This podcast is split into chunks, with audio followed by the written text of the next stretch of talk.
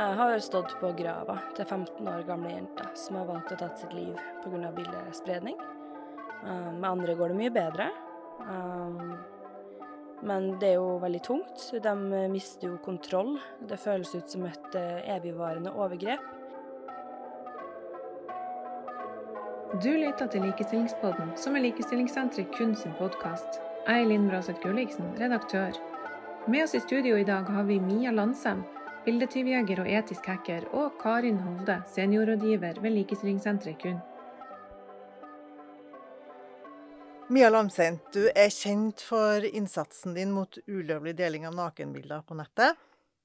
Du har gitt ut bok 'Trygg på nettet', retta mot barn og unge. Og på nettsidene dine presenterer du deg som bildetyvjeger, fighter og gamer. Fortell litt om hun, Mia. Yes, jeg heter Mia. Jeg er 24. Kommer fra Byåsen i Trondheim, men har bodd i Oslo de siste årene. Jobber som etisk hacker, eller pentester som det heter på fagspråket, i Orange Cyber Defense. Um, ja. Det var vel veldig kort, men jeg er vel mest kjent for å hjelpe folk som får nakenbilder spredd på nettet, siden jeg ble kjent etter Nora Mørk-saken i 2017. Mm. Du er jo en sånn aktivist som er um, litt sånn atypisk. Du, du er ikke bare sånn som snakker om det, men du tar saken i egne hender og gjør noe med det. Så hva er det som kjennetegner dem som henvender seg som, til deg? Du får henvendelser fra mange, ikke sant? Ja, jeg får jo opptil fire, fem, seks mail eller meldinger om dagen um, på alle sosiale medier, da. Eh, det varierer jo litt fra dag til dag. Hvis det har vært en nyhetsreportasje, for eksempel, kan jeg plutselig få 100. Eh, så det varierer litt, men i snitt vil jeg si opp til fem-seks eh, meldinger eller mail om dagen. Eh, og det er jo folk i alle aldre. Selv om jeg er mest kjent for bildedeling og sånn, så hjelper jeg jo folk som har blitt hacka, eh, folk som opplever digital vold, eh, dem som kanskje har blitt utpressa, eller opplevd andre ting på nettet som ikke er greit, da. Så det har jo på en måte ekspandert litt til det. Eh, og det er jo folk i alle aldre. eh, både yngre og eldre, gutter, jenter og alt imellom. Så det er en veldig stor variasjon. Ja. Så hva, hva, hva opplever de? Det er jo mye bildespredning. Mm. At de er Veldig mye utpressing. eh, veldig mye trusler. Um, blackmailing, rett og slett. Eh, det er gjerne spesielt ungdommer som har uh, f.eks. hatt noen nakenbilder med kjæresten sin, som både skal være lov og skal egentlig være noe fint, og som etter forholdet ender faktisk opplever å bli trua eller utpressa eh, til å f.eks. ikke slå opp, eller eh, at de bare skal være jævlig mot dem da, med å spre bildene deres. Så har jeg jo mange saker der, eh, der damer blir eh, stalka eller overvåka av eksene sine, en- spesielt da med mobiltelefon, eller at livet deres eh, har på en måte vært kontrollert da, av den andre parten, og at det nå er veldig vanskelig å få seg ut. Uh, de trenger på en måte hjelp med å finne bevis, uh, og til å fjerne ting fra mobilen sin, eksempel hvis de ikke er teknisk nok selv. Uh, så er det også mye um, saker som omhandler ja, seksuell utpressing, der man blir lurt til å gi fra seg bilder eller videomateriale, og så opplever å bli pressa for en sum med penger. Eh, og så er det alt småting for sånn typisk Jeg blir hacka på Instagram, og hva gjør jeg da? Da er det plutselig Instagram-support-Mia. Mm, så det er en veldig varierende jobb, skulle jeg si. Hobby. Ja. Men det å, altså, det å få bilde, bildet sitt spredd på nettet, da, et nakenbilde, hva gjør det med folk? Jeg har stått på grava til 15 år gamle jenter som har valgt å ta sitt liv pga. bildespredning. Uh, med andre går det mye bedre. Um, men det er jo veldig tungt. De mister jo kontroll. Det føles ut som et eh, evigvarende overgrep. I og med at bildet ikke forsvinner, så vil jo heller ikke overgrepet stoppe. Det vil føles ut som et nytt overgrep hver gang du blir tilsendt bilde eller en melding, og hjertet hopper og dunker hardt når du får en meldingsforespørsel, selv om du ikke vet om det er noe hyggelig eller ikke. Ja, det er jo veldig stor angst. em, høy angstgrad, depresjon. Og så handler det jo mye om at de blir flau. At de skammer seg. Det er veldig skam til egen kropp eller egne handlinger, da. Hvorfor skammer de seg? De skammer seg fordi det bildet var jo kanskje ment for noen det skulle være hyggelig å dele med, og ikke noe som var ment for, for alle andre. Eh, og så er det jo ikke minst, eh, kan vi jo takke spesielt flere av den eldre garde og en del menn som sitter og faktisk eh, victim-shamer, sånn som skylder på ofrene i sosiale medier. Det ser vi jo i kommentarfelt på Facebook. Eh, og der er det spesielt voksne som sitter og faktisk sier men hvorfor i alle dager skal man ta bilder av seg selv, og sier at de fortjener det, videre. De får gjerne høre det, da, eller så blir de jo også spredd overalt, og da blir man kalt uh, hore og sløtt og skitten og litt forskjellig, da. Mm. Så hva, hva gjør du når de kommer til deg og har fått bildet sitt spredt utover? Det første er jo egentlig bare å, å høre på historien deres. Ofte så er jeg den første noen har kommet til, og da er det viktig at de får snakka ut og fortalt sin frustrasjon. Samtidig som det er viktig for meg å plukke ut info som er viktig. Men det handler om å skape en tillit med dem. At de på en måte nå, nå er du på et sted der det skal være trygt å prate. Og med meg kan du dele hva du vil. Det er ikke noe dumt. Og prøve å finne ut hva som har skjedd. Noen er jo veldig hysterisk, noen er veldig bestemt. Noen har på en måte gjort alt det de skal, men bare høre med meg i tilfelle om det er noe mer jeg kjemper. Så varierer det ut ifra hvilken grad saken har gått, da. Hvor alvorlig det er. Snakker vi video på Pornhub? Snakker vi utpressing? Det er jo forskjellige måter å hjelpe til, med, ut, hjelpe til på, da, ut ifra hva de har opplevd. Mm. Så det er litt vanskelig å si en sånn fasit på det, men det handler veldig mye om å bare høre og rådgive. Ja. Men er det, noe, er det mulig å få stoppa det? Er det mulig å få tatt bort det bildet som blir kommet ut? Nei. Eh, på sosiale medier så legger du igjen eh, digitale spor. Eh, og du har både spor du legger ut selv, og så har du også passive som du egentlig ikke tenker over at du legger igjen. Og den kan jo finnes av andre som vet hva de ser etter. Mm. Og alle nettsider har kanskje noen servere eller andre typer ting som gjør at selv om du trykker slett, så lagres det. Eh, og alle gamle nettsider lagres, og så kan du på en måte spole tilbake på nettsida hvordan den så ut for så som lenge siden. Mm. Eh, ikke minst når ett bilde blir opplada eller lagt ut av ett sted, så blir det jo også lagt ut på tusen andre steder. Så det, det, sprer seg såpass fort at du har ikke mulighet til å stoppe det heller. Nei, så, hva, så hva gjør du da, da? Du må faktisk eh, dessverre lære deg å leve med det. Mm. Det betyr ikke at man skal finne seg i det. Man skal absolutt eh, gå til anmeldelse og alt det der. Men jeg tror det er viktig at man eh, må rett og slett bare tenke at nå har det her skjedd, og sånn kan det være i mange år fremover. Så vil kanskje bildet miste litt verdi da når man blir litt eldre, ikke sant. Om ti år så er det andre bilder som er aktuelle. Mm. Eh, så spørs det jo hvor interessant bildet ditt var, eller om du som person er kjent eller ikke. Mm. Um, men det kan forfølge deg resten av livet, og bli delt overalt. Og det er noe jeg tror man trenger å prosessere litt, og bare innse at det her har skjedd. Samme hvis man blir utsatt for et uh, overgrep, uh, så har det skjedd. Det er ikke noe å gjøre med det. Uh, og det psykiske og minnene fra det overgrepet, selv om det fysiske har toppa, det forsvinner jo aldri. Mens på bildet så har du både det, det psykiske, men så har du også bildet som kan dukke opp eh, titt og mm. Og ikke minst utpressinga og meldingene man får. Ja. Så hva eh, Det her er jo veldig alvorlig å få det spredd sånn. Hva, liksom, hva kan vi eh, Altså, det er jo ulovlig. Så så hvordan gjør man for å, for å straffe den som, eh, som driver på å spre de her bildene, da? Det er jo veldig mange unge. De deler jo ikke det bildet fordi de tenker at nå skal jeg få denne vedkommende til, å ta livet sitt. De tenker bare at det er kult der og da, eller at de har en slags makt der og da.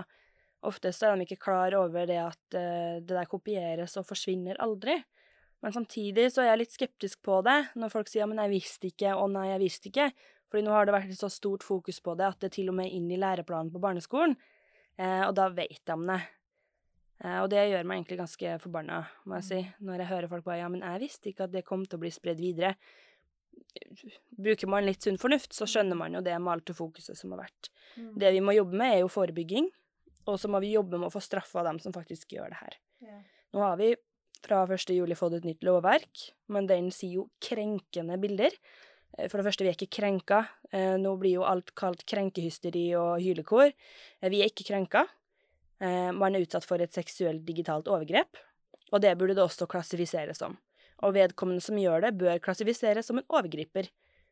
Eh, det er min, mitt syn på det. Mm. Eh, og hvis vi fortsetter å kalle ting for krenka, når, når det, vi har alle som sier 'Å, føler du deg krenket nå?' Sammen med halloween-diskusjonene om kostyme og kultur, kultur nå, så begynner folk å si 'Nei, du er krenket, du er krenket'. Det er ikke krenking, det, det er overgrep. Mm. Og det, det er jeg litt lei meg for at de har eh, kalt det for krenkende. Men det som er bra, er at man har fått uh, erstatning. Um, ikke at penger noen gang kan gi tilbake eh, en, en død 15-åring eller, eller psykisk syke, um, men det, det kan absolutt uh, kanskje være med å bidra litt. Og kanskje føles som en liten en, en, I hvert fall en sum da, som vedkommende må betale. Mm. At få At de skal få ta ansvar for det de har gjort, og faktisk betale ut en sum. Mm. Kan du si litt mer om hvorfor du tenker at det er et seksuelt overgrep, og ikke krenking? Ja, altså hvis jeg tenker at jeg er krenka, så hadde kanskje noen uh, klaska meg på rumpa, eller Mm. ropt uh, bitch på gata. Mm. Eh, det å bli utsatt for det her, eh, livet ut, rett og slett, det er overgrep. Mm. Eh, det er en ting du ikke har sagt eh, ja til. Det, du har ikke samtykka til at bildet skal legges ut noe sted, og samtykke er jo veldig viktig i forhold til overgrep. Nå snakker vi om samtykkelov og alt det der. Um, og det samme gjelder jo også på bilder. Norges lover gjelder like mye på nettet som i virkeligheten. Men i realiteten så føler jeg ikke det. At det som er på nettet, blir tatt mindre seriøst, og ofte også henlagt. Men um, du sier at eh, bildet ligger der. Så hva er det du eh, hjelper dem med, da? Er det å finne den som har lagt det ut, eller hva, hva gjør du? Liten miks. Um, Så klart å være en støtte. En sparringspartner. Jeg hjelper til med anmeldelser. Skriv det for dem, og de fyller egentlig bare inn signa signatur og, og hendelsesforløp. Eh, hjelper dem også med klager. eh, hjelper også advokatene deres i, eh, i søksmål. eh, og konfliktråd. Eh, I tillegg så kan jeg være med eh, når de skal vitne, eller hvis de, de har lov til å ha med seg en tillitsperson da, i avhør. Egentlig bare for at de skal føle at det sitter noen der som vet hva som skjer, og som, ja, som de kanskje stoler litt på, da. Det har jeg vært. Og så er det jo også i forhold til datateknisk etterforskning innenfor lovens rammer, eh, i forhold til hvilke beviser man kan finne av de her aktive og passive digitale sporene som eksisterer. Um, egentlig mest bare liksom rådgive. Eh, det er ikke alltid eh, at jeg gjør så mye teknisk nå, fordi vi har ganske strenge datalover i Norge for privatpersoner, og da er det ikke alt Jeg kunne ha gjort mye mer, men jeg har på en måte ikke lov til det. Så, så drittsekkene har altså mer lov enn det mm. dem som er snille, har lov til å gjøre, da. Og det gjelder jo også for politiet, som for eksempel må vente på ransakelse, og som ikke kan inndra telefon. Og når de har inndratt den, så har de sletta alt. Mm. Da går det fortere. ja, men hvordan kom du inn i dette her? Hva var som eh, bringte deg inn i den eh, bildetyvjeger, alt det du snakker om nå? Du har jo bygd deg opp en stor kompetanse. Ja, det var egentlig tilfeldig. Det var ei jente på skolen som opplevde det. Eh, og så hadde jeg vært på TV i forhold til gaming, og så bygd datamaskiner, og hun trodde jo da at jeg måtte jo vite hva det her var, og det her var vel i 2014. Så det er jo snart ti år siden, skulle jeg si. Ja. Herregud. Ja, da var du Eh, 14 år. Jeg var vel eh, Nei, jeg var 17 år. Ja. Ja, 17 år. Sånn er syv, syv år siden eller noe. Jeg er ikke så god i matte. Men eh, det begynner å bli lenge siden. Mm. Og da begynte jeg egentlig bare å se om jeg fikk hjelpe på noe vis. Jeg hadde jo ikke noe datateknisk kompetanse da, annet enn hvordan datamaskinene er bygd opp, og litt sånn om Mm. spill, og da kan du jo litt mer enn kanskje gjennomsnittet, da. Mm. Prøvde egentlig bare å hjelpe henne, og så fant vi jo ut hvem det var til slutt, ved hjelp av sosial manipulasjon, som er mitt spesialfelt, også kalt social engineering. Handler egentlig bare om å lure folk til å oppgi ting som enten er til deres beste eller ikke. Eh, og da brukte jeg bare manipulasjonsteknikker for å få ut hvem det var, ut av andre folk. Så den eh, løste vi faktisk, Ja. uten noe teknisk. Mm. De ordna opp seg imellom, og så var det liksom done. Og så begynte jeg egentlig bare å følge med på de nettsidene her, og varsle folk, for jeg ville at de heller skulle høre det fra meg på en hyggelig måte, enn at de skulle få ekle meldinger sånn som hun har fått det. Mm. OK. Så Så da det egentlig sånn alt starta. Ja. Veldig det, tilfeldig. det var sånn eh, fighteren kom fram? Ja, jeg har alltid vært fighter. Jeg har okay. Vært på landslaget i taekwondo. Jeg har også drevet med thaiboksing og MMA. Var dobbel nordisk mester og norgesmester og vunnet flere store rankingstevner. Men eh, det er sikkert veldig mange som er glad for at du gikk over da til å være fighter på, på nettet og Ja, det var, jeg drev jo med det her samtidig som taekwondoen. Mm. Men så var det det mm, Jeg begynte jo på idrettshøyskolen i 2016. Um, men når jeg da begynte tredjeåret, uh, så var det jo Nora Mørk-saken. Der bilder var spredd ut på nettet. Um, og så ble var det veldig mye media. Jeg var veldig demotivert på skolen, for jeg hinka jo på krykka. Måtte lære meg å gå på nytt og sånn. Eh, Så når jeg møtte Nora, Nora Mørk for første gang, så hinka jeg faktisk på krykka. Der var heltinna, liksom. Eh, Det var veldig gøy. Um, Så jeg ble litt demotivert, og jeg hadde veldig lyst til å gjøre mer, for jeg så det var mye mer å gjøre eh, på det feltet her. Og hadde jo alltid likt IT. Og hadde jo liksom opp, oppover årene da, så hadde jeg jo lært meg nye teknikker og mer teknisk. Um, så jeg hadde lyst til å gjøre noe mer. Jeg hadde på en måte lyst til Husker da jeg var liten, så hadde jeg lyst til å bli Britney Spears, liksom, og bli huska som popdronning. Eh, men så ville jeg heller bli huska for å ha gjort noe bra, da. Jeg treng, vi er her bare én gang, og jeg tror det er viktig å gjøre ting som virkelig kan sette spor, da. Som kan havne i bøkene. Og jeg er jo i samfunnsfagbøkene, så det hadde jeg jo aldri kunne ha drømt om. Ja, men du er jo, du er jo bare i starten ennå på, på det her Mm. reisa di. Så, men eh, bildedeling er jo én ting. Eh, men hva med andre, det med kontroll på nettet? Eh, Hva, hva, hva ser du der? Det er jo mye overvåking, og jeg har også prata mye om, om den digitale volden. For det- spredning av nakenbilder skjer jo ikke bare med tilfeldige, det skjer jo også med partnere. Um, det er også partnere som tar nakenbilder av hverandre uten at de er klar over det selv. Um, jeg hadde også en sak der en bror hadde faktisk hengt opp kamera i søstera sitt bad, og har altså livestreama at hun har dusja sin egen lillesøster. Um, og det, det er veldig mye rart. I tillegg så er det jo mange som kontakter meg som blir utpressa av eksen sin til å ikke flytte ut, for eksempel, eller at de er med i barnefordelingssaker. Um, stygge brudd. Ofte, ofte er de faktisk eldre. Eh, det er faktisk folk 30-40 pluss som oftest kontakter meg om um, sånne ting fra partner. Ja. Um, det er gjerne Den som kontakter meg, har gjerne ikke noe særlig teknisk kompetanse. Mailen er gjerne styrt av f.eks. mannen. Um, han har passordene, eller har klart å gjette seg til det fordi de ikke har så god passordsikkerhet.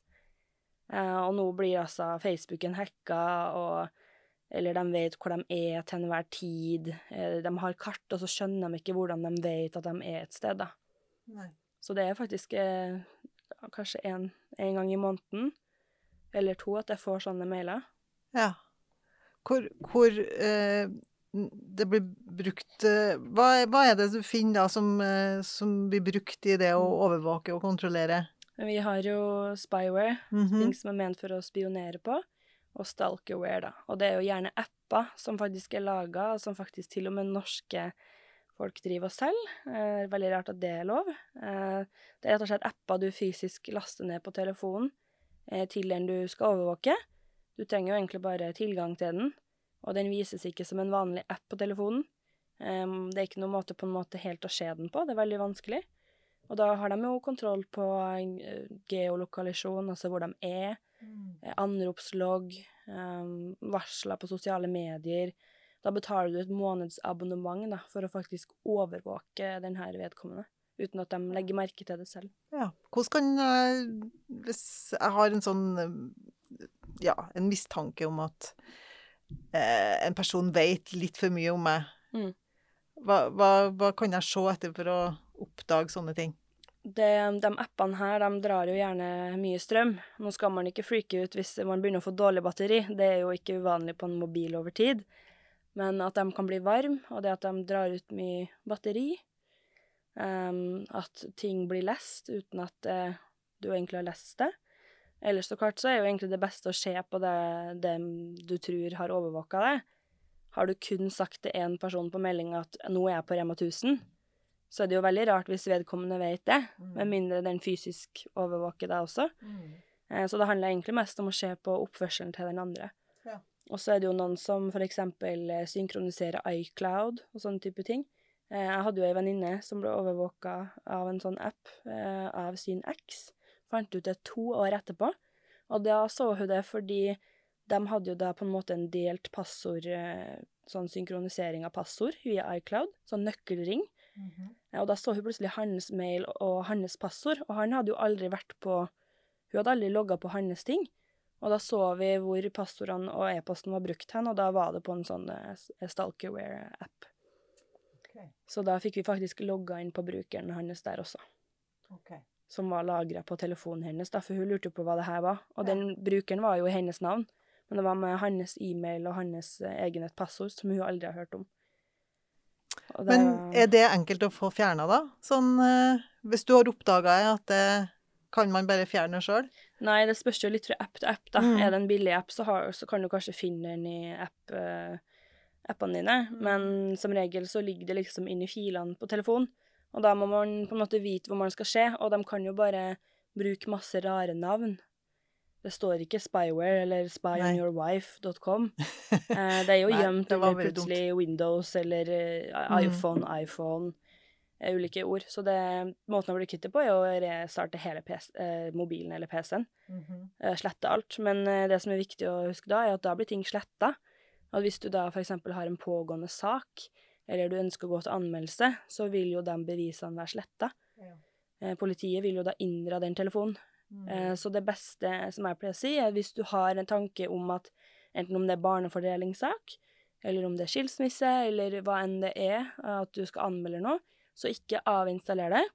Bare ta ut SIM-kortet og bruk en annen telefon Mm. ta den på flymodus, bare avinstaller alle apper. Og det som også kan være farlig med sånne apper, er at dem som du kan betale litt på, så får faktisk vedkommende et varsel om den fjernes. Bor du f.eks. hjemme med en voldsutøver da, eh, så kan du risikere å bli utsatt for mer vold, Mm. fordi den har fått eh, varsel om at du har sletta appen. Ja. Mm. Så ehm, hva, hva, hva kunne man gjøre for å, for å forebygge at, at, man, at sånt skjer, da? At man f får sånne eh, stalkerware eller ting som overvåker en inn på, på eh, mobiltelefonen sin, eksempel? Altså, det handler jo egentlig om at folk må vite om det. Mm. Uh, vi hører ikke så mye om sånne ting, syns jeg, da, i forhold til andre ting. Eh, det handler også om at eh, det, det må begynne å skje noe når man anmelder. At politiet vet hva de skal se etter i forhold til de appene eller filene som blir lasta ned. Eh, de burde be om bistand fra f.eks. Kripos.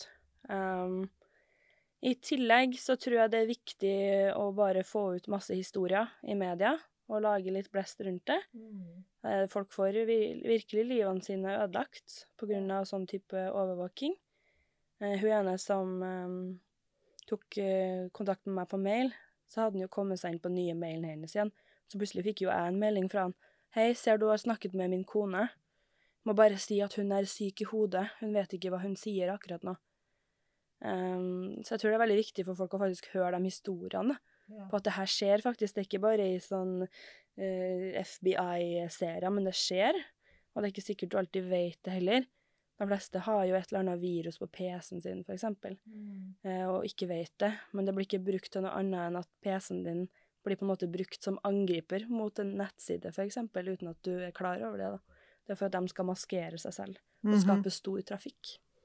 OK. Så det er det mange som kan være utsatt for, uten at de vet det. Men Ja. derfor så tror jeg også på at vi må heve da, det generelle IT-nivået til folk. Ja. Eh, og spesielt altså den som er eldre i garden nå, fra foreldrene mine opp, har jo ikke vokst opp med smarttelefoner som vi har. Den generasjonen som kommer nå, er jo svært teknisk, men også svært naiv. Um, og har ikke sett liksom hele utviklinga på det fra starten. Nei. Jeg hadde jo min første smarttelefon i syvende klasse på barneskolen, så jeg er jo egentlig en sånn oldis nå. Uh, men da vet jeg liksom hvordan, hvordan livet var før det òg, da. Uh, og setter egentlig litt pris på at jeg hadde, Ja. må jeg innrømme. Men jeg tror vi bare må fortsette å utdanne oss bedre. eh, og bare at alle bidrar da, til en tryggere digital hverdag. Ja. ja, den boka di som, eh, hvor du eh, har råd til barn og unge, hva er det liksom det viktigste budskapet ditt eh, som du kommer med der, da? Ja, det var et vanskelig spørsmål. Trygg på nett er jo barnebok fra dem fra ca. 8-9 år til 12-13. Mm. Gjerne også eldre. Jeg har hatt voksne som har lært mye av den òg. Jeg tror nå det viktigste er egentlig at man ikke er dum, at man ikke må skylde på offeret, og at det er lov å feile, men at man da alltid på en måte skal ha et sted eller noen å prate. Um, det tror jeg er det viktigste med boka, det er å ikke legge skylda på folk som opplever vonde ting, men heller fokusere på hvordan, hvordan man kan bedre seg, eller sånt. Ja. Uh, rett og slett at det er håp, og livet er ikke ødelagt, uh, men at man må tenke seg godt om. Ja. Så det er mulighet til å prøve og feile på nett òg? Ja, absolutt. Eh, sånn med alt annet. Eh, det er jo Du dør ikke, liksom, hvis du feiler på nettet, da, i forhold til om du hopper fallskjerm og ikke tar på fallskjermen riktig. Eh, men det kan fortsatt ende opp ganske gærent, da, hvis du gjør store feil. Og jeg tror at vi mennesker, vi feiler uansett. Eh, Vi er ikke roboter som er programmert til å gjøre alt rett. Men vi lærer på en måte med erfaringene som vi gjør oss. Og det er jo dem som gjør oss til oss. Akkurat som at alle digitale spor lager jo den digitale deg, og din identitet. Så jeg tror eh, vi må bare egentlig stå på videre Ja. og fortsette å bare prate om ting som skjer, og opplyse om det. ja. Men selv om man gjør det, så er det ikke sånn at den som har hørt det, kommer til å følge rådene før det er for sent. Nei, det er jo liksom uh, det her med at uh, nå har alle, vet alle at man må ha sikre passord. Mm. Men De fleste har fortsatt pappa 123 og, og navnene på barna sine som passord. Eh, og det handler jo Ja da.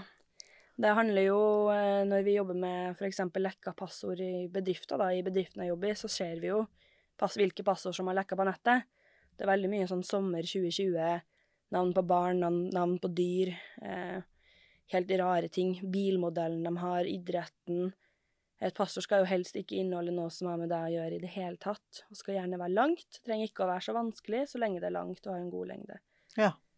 Uh, men ja, det skjer mye dumt. har hatt mye dumt selv oppover uh, tidene. Men jeg tror det handler også veldig mye om hukommelse. Jeg ser at de som vokser opp nå, har gjerne vanskeligere passord enn for eksempel min mor og far.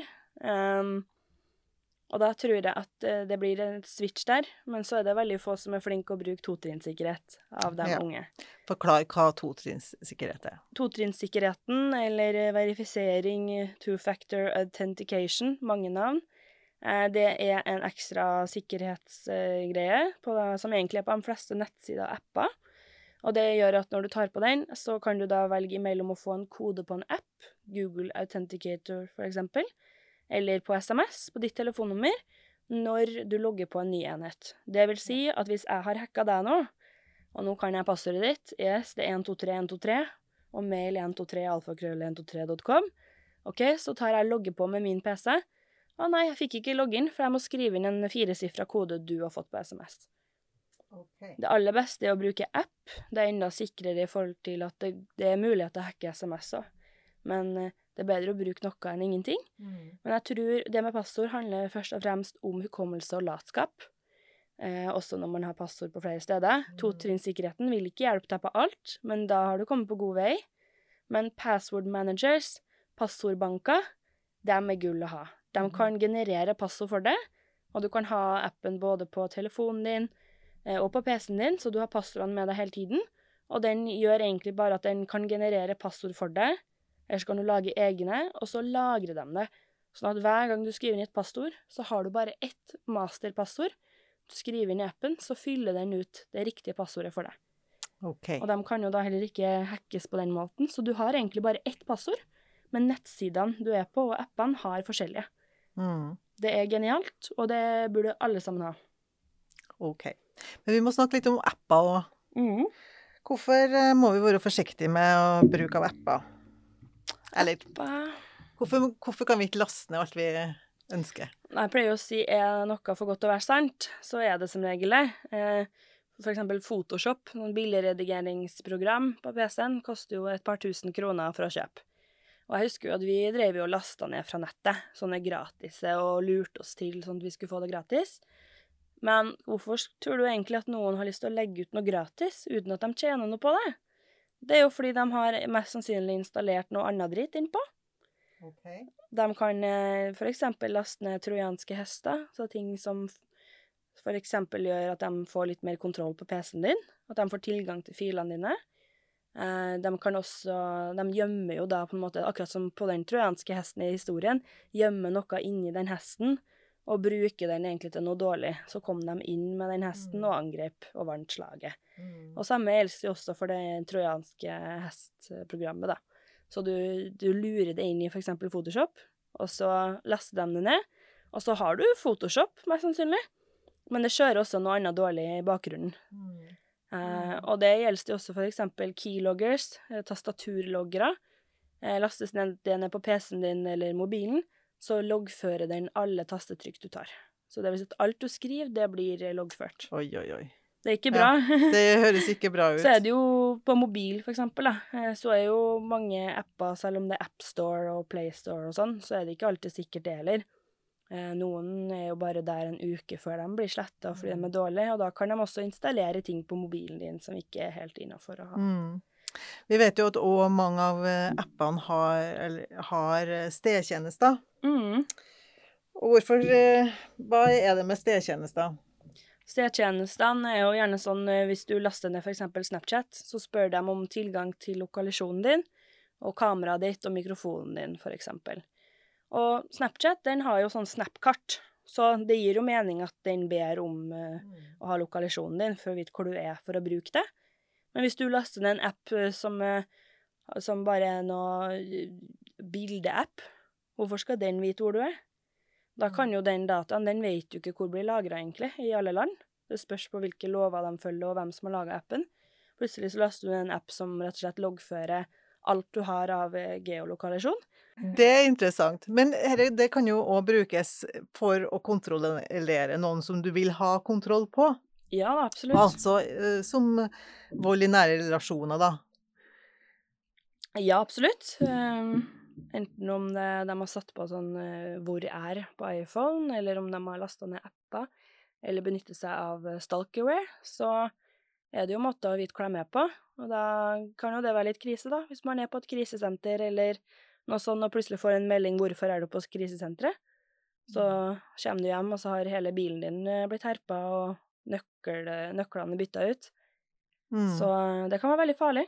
Mm. I hvert fall for folk som lever i forhold som ikke er bra, eller som har noen som er ute etter seg. Ja. Så da øh, hva, hva kan de gjøre? Altså hvis de øh, er i dårlige forhold hvor det er mye kontroll, hva, hva kan de gjøre for å hindre det her på, gjennom de her appene? Man må jo først og fremst for eksempel dra til et krisesenter, og så handler det jo om å kanskje ta på flymodus, sånn at alt av sånne ting stopper. Eh, eventuelt skru av mobilen når du Mm. drar dit. Um, så handler det jo litt grann om OK, men hva skjer da når jeg skrur den på? Um, det er akkurat det. Eh, Da må man begynne å, å stenge ut vedkommende fra mail, Facebook, Snapchat og alle sånne ting. Og det kan også være vanskelig. Eh, Så det er ikke noe sånn 100% fasit. Det spørs veldig på hva vedkommende har kontroll på. Men det handler om å få kasta dem ut eh, av eh, sosiale medier og, og den kontrollen de har, da. Der hadde du et sånt tips. Vi hadde jo en, et, eh, et webinar, og hvor du sa at man måtte eh, begynne med e-posten. Ja.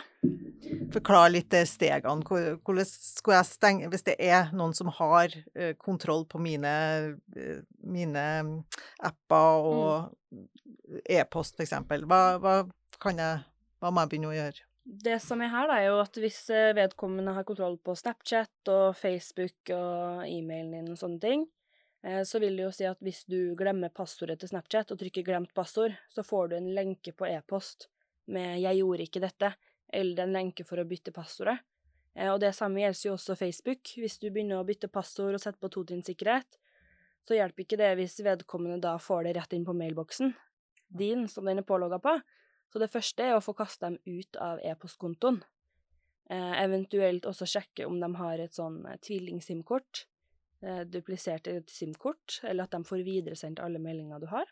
Det er derfor det er veldig greit å bruke app som, eh, som uh, totrinnssikkerhet, um, for da er jo ikke det mulig. Da er det kun på den appen. Um, I tillegg så er det jo det at uh, da har du da full kontroll når du begynner å bytte ting. Med um, en gang du bytter passord på de sosiale mediene dine, så vil jo vedkommende kastes ut. Og det tar ikke noe lang tid å gjøre det heller, men da slipper du at den plutselig roter inn på mailen og faktisk stenger deg ut. Ja. Ja. OK. Nyttig. Men eh, hva med, med trusler og trakassering som foregår på, på nettet, da? Ja, Hva kan vi gjøre med det? vi kan jo egentlig ikke helt gjøre noen ting. Vi kan ikke kontrollere hva millioner av mennesker skriver på nettet, dessverre. Eh, så er det jo også sånn med ytringsfrihet og masse forskjellig. Vi kan ikke kontrollere hva andre skriver. Eh, men hvis vi tenker for eksempel i forhold eller vennskap og sånn, så er det jo mange som yter trusler overfor nettet. Og da er det så klart viktig at man bryter kontakten. Eh, at man ikke innfrir deres krav, da, for da kommer det bare mer krav.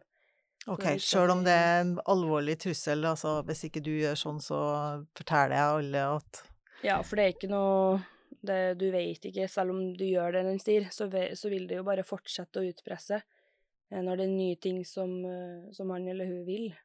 Så det er bare å gjøre det, uansett hva. Um, I fleste utbrettingssaker så blir det ikke gjort noen ting. Nei, Ikke i de sakene jeg har. så du skal ikke gjøre noen ting. Ingenting. Du skal bryte kontakten helt, og ikke la dem eh, ta kontakt. Det kan også være greit hvis man blir utpressa eller utsatt for trusler, eh, og deaktivere sosiale medier for en liten stund, så de ikke får en kick av at det står 'lest', eller at de vet at du ser meldingene. Ja. Da er det på en måte ingen måte å kontakte deg på. I forhold til kommentarer og innlegg og sånn, la oss si at jeg har slått opp med typen min, og nå driver han og legger ut mye bilder av meg og skriver at jeg er hore og det som er, så må man jo rapportere kommentarene. Eh, Men der òg er det jo litt at de trigges av at folk ser det, eller at spesielt du da ser det, Ja. eller at jeg ser det. Um, og da handler det om å blokkere så man ikke ser det. Da kan det være med på å på en måte drepe litt lysta da, til å legge det ut. Ja. Man kan ikke kontrollere det. det. Man kan ikke ringe politiet og bare 'hei, få han til å slette innlegget', det- for det skjer ikke. Dessverre. Um, skulle ønske det var så enkelt. Ja. Men å rapportere, hvor, hvor eh, rapporterer man det, da? Det er jo inn på den plattformen det er skrevet på, så Mhm. fint det går an å bare trykke på den og bare trykke på rapporteringsknappen. Hvis det er et innlegg på Facebook, så er det som regel noen prikker på sida der du kan velge å rapportere noen ting. Eh, og så er det jo ikke dessverre at, at Facebook alltid strekker til der. Um, som regel så fjerner de jo alt som har med f.eks. barneovergrep å gjøre, bilder av barn, eh, nakenbilder og drapstrusler. Men det kan ta tid. Ja. Så det er liksom veldig lite å gjøre, da. Men det beste er å ikke kontakte vedkommende. For de vil at du skal ta kontakt, de vil at du skal trygle og be om å få det sletta. Og det, det skal man ikke gi dem. OK. Men du snakka òg om det med å dokumentere. Mm. Altså hvis du skal ha en eh, sak å anmelde, eksempel, så må du jo liksom vise da at uh, dette er faktisk en sak. Mm. At det er alvorlig, at det foregår over tid og Ja, eh, det er jo viktig i enhver kriminell sammenheng, om det er på nettet eller fysisk, at vi tar f.eks. bilder eller skjermdump slash screenshots. Eh, At man eh, lagrer alt som skjer, gjerne i et Word-dokument, eller f.eks. på Dropbox, sånn at du har det klart. Slipper du å eh, styre med det senere, og gjør det lettere for politiet også. Eh, Bare lagre alt, og husk også at man har lov til å ta lydopptak uten å si ifra på samtaler der man selv er med i praten.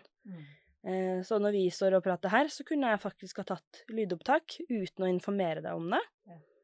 Fordi jeg er en del i samtalen selv, og det samme gjelder jo over telefon.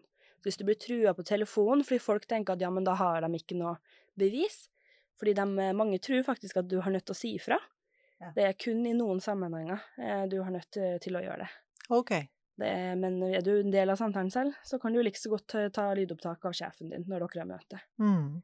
Så det er mange som eh, blir trua med at nei, du får ikke lov å ta lydopptak av meg uten å spørre, for da kan jeg anmelde deg. Stemmer ikke, du får absolutt lov til det.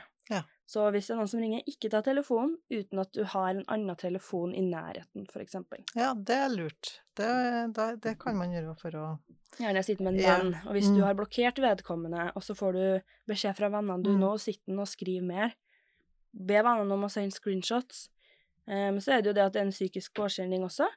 At det da kan være fint uh, at de kanskje laster det opp i en mappe selv. At Mm. de tar vare på det og ikke viser deg det. Ja, så at vennene kan gjøre det. Ja. Ja. ja. Men altså, eh, du er Du har en sånn Du har et eh, En tatovering på halsen din som det står 'modig' på. Mm. Eh, Må du være modig for å gjøre det du holder på med? Det er mange måter å være modig på. Mm Eh, Jeg kommer eksempel aldri til å hoppe ut i fallskjerm. Så jeg til kompisen min som hopper fallskjerm, han bare 'er ikke du modig', ja, ha-ha. Så jeg vet du hva, det, jeg er kanskje modig, men jeg er ikke dum.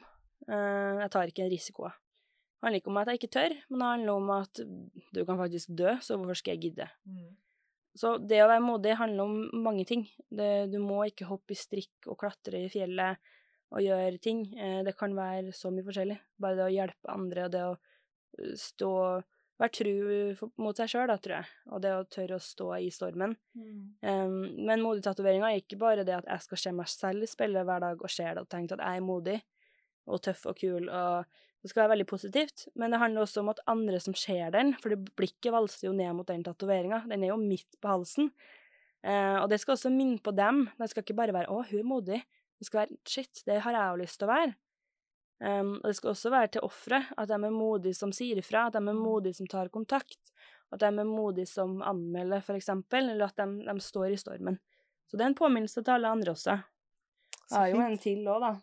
Gi faen. Ja. Det er en på sida der som gjemmes litt, som er gi Ja. faen. Og det Mhm. handler ikke om å gi faen i folk eh, og, og konstruktiv kritikk, eh, men, eh, eller å ikke gi faen i folk du bryr deg om, eller, eller sånne ting. Men det handler om å liksom gi faen i kritikk som er dum, gi litt faen i det bildet. Men eh, du, du står jo i liksom stormen, det, det ser du jo nå at eh, Får du mye trusler og meldinger sjøl? Ja, jeg lever med voldsalarm, Du gjør det? Um, har måttet flytte to ganger av at folk kommer på døra, og Ja. um, mye trakassering, eh, spesielt fra menn. Um, mye meldinger og ringing, så måtte du bytte telefonnummer og litt forskjellig også. Um, så det koster jo litt, så jeg anbefaler ikke dem som eh, kanskje ikke tåle det, å gjøre det. Eh, for det vil komme backfire. Det vil eh, komme tilbake på deg. Altså, Mm. Uansett om du redder barn fra overgrep eller hva du jobber med, så er det alltid noen som ikke ønsker å tro på at du virkelig vil hjelpe, og vil prøve å sverte det. Eh, jeg har lært meg å leve med det, fordi jeg prøver å fokusere på det at shit, jeg hjalp den personen. Jeg redda det barnet fra overgrep. Eller jeg redda den saken. Jeg fant en som svindla fire millioner. Eh, og prøve å tenke på det positive, og dem som Det er jo mest folk som heier, men kanskje rundt det, da, så er det kanskje hatet som stikker seg mest frem iblant til folk. Ja, det er jo lettest å kjenne på Altså hvis du får ti gode meldinger, så får du én litt dårlig, så fokuserer på den ene. Ja, det er fort sånn. Så det har tatt mange år å egentlig bli litt sånn eh, resistent, kan man si. Ja. Um, rett og slett å gi faen. Ja. Det er derfor jeg har tatoveringene her også. Ja. Rett og slett som en påminner hver dag. Eh, Mm. og ikke minst en påminner på den gode jobben. Du var ikke forberedt på det, eller? At det skulle bli sånn? Nei, jeg, jeg kunne nå aldri tenkt meg å være sånn mot folk som redder barn fra overgrep eller sånne ting. Eh, men igjen litt forberedt på det med at man er jente, da, i IT-verden. Ja. Jeg var jo bare 20 år når jeg ble kjent, og ble jo møtt med at folk ikke trodde på at jeg kunne IT. Per dags dato er det fortsatt folk som tror jeg er styrt av en spansk IT-bande, at jeg ikke kan noe teknisk i hele tatt, selv om jeg jobber med cybersikkerhet. Ja. Så det er jo veldig sånn på grunn av at man er kvinne òg, da. En mann som hadde gjort det her. Eller det er jo menn som gjør det her òg, eh, men, eh, men som ikke får noe hat i det hele tatt. Hva er strategiene dine? Kan du liksom bare fortelle litt om det? For det, kan jo være noen andre ute der òg som kan liksom trenge den der Ja, jeg har anmeldt ting, sånn som trusler med skytevåpen, drapstrusler, eh, trakassering av meg og min familie, stalking og litt forskjellig. Um, men etter hvert så begynner det å bli så masse at man ikke gidder lenger. I hvert fall når det blir henlagt og henlagt og henlagt, uh, så føles det veldig sånn tomt. Og derfor er det på en måte altså som, samme som det å få et bilde spredd, at man må på en måte lære seg litt å le med det. Uh, og man ser det jo på flere offentlige personer, at de får masse hat selv om de på en måte ikke har gjort noe. Eh, og det er jo ikke rett, man skal jo anmelde, men dessverre så blir det jo ikke prioritert, og jeg velger heller å bruke tida mi eh, på meg selv, på å gå i terapi, eh, og eh, på mine venner. Jeg jobber mye, og den tida jeg bruker da eksempel på politistasjonen, Det er tid jeg kunne ha brukt på saker. Så for meg så er det terapi nok. Jeg har ikke noe stort behov for at folk skal dømmes for ting de gjør mot meg, så lenge de heller gjør det mot meg enn andre. Så jeg har brukt så mye tid på alt dere kommentarene og det å skulle beskytte meg selv og svare på kritikk, at det gikk utover tida jeg kunne brukt til å hjelpe andre. Ja. Og da tatoverte jeg 'gi faen på halsen'. Var dritings med venninne og snakka om alt det vonde som hadde skjedd. Det var en periode der det var veldig mye for noen år tilbake. Og da bare tatoverte jeg det, og våkna like fornøyd. Heldigvis. Men eh, ja, det handler om prioriteringer. Og for meg så hjelper det å også hjelpe andre.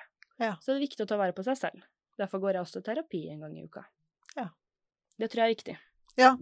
Altså, når du står så i stormen som du beskriver her nå, så, så skjønner jo alle det at det, Mm. det er nødvendig. Roe seg jo litt. Ting kommer jo i bølger, ikke sant? Ja. Og jeg leser jo for eksempel ikke kommentarfelt og sånn. Det er jo bare Nei. piss. Før så kunne jeg jo sitte og skrive og svare, men det har jeg jo ikke tida til, det er det første. Og for det andre så orker jeg ikke lenger. Nei. Orker ikke å forsvare meg til alle som spør, alle som sender meldinger. Det er ikke noe vits. Jeg får ikke noe ut av det. Nei.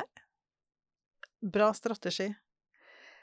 Ehm, altså, hvordan kan man eh, Vi har jo vært inn på det, men eh, eh, hvis vi kan liksom avslutte med noen sånne råd fra Mia til alle som er ute på nett og ute i den det fantastiske Mm. internettet og bruker alle de her eh, gode sosiale mediene som òg kan være artige og Mm. inspirerende, og, men, også som har som skyggesida, da. Ja. Jeg tror man må eh, slutte å være så naiv. At man må være litt mer skeptisk. Ikke helt sånn paranoia, men litt mer skeptisk. Bry seg litt mer om sin egen sikkerhet, selv om man føler at man ikke har noe å skjule. Eh, Ikke minst må du tenke, tenke over hva du selv skriver og gjør på nettet, mot andre. Eh, Det hjelper ikke å være voksen dame på 40 og si til ungene dine ikke nettmobbe, så sitter man i kommentarfeltet på Facebook og kaller Sofie Elise plastikkdukke. Eh, det, det hjelper jo ikke. Um, og den syns jeg er stygg, for det er jo ikke rart at dagens unge er så stygge som de er, når vi ser på Facebook-krigerne som har gått livets skole, eh, og sitter eh, pensjonert og bare sitter og skriver dritt. Eh, det er ikke rart det blir sånn, da, når man ser bestemor skrive det. Eh, så jeg tror vi må gå, gå inn i oss sjøl, og så tror jeg det er mange som sier når jeg har foredrag at mye, men det er så mye info. Det er så mye jeg må huske, det med passord og alt det der, og hvordan skal jeg gjøre det? Lag din egen liste. Ta en time eller to. Gå gjennom det jeg har sagt, og ta, ta deg ut noen poeng selv. Hva er det du sliter mest med? Hva er det du er mest redd for?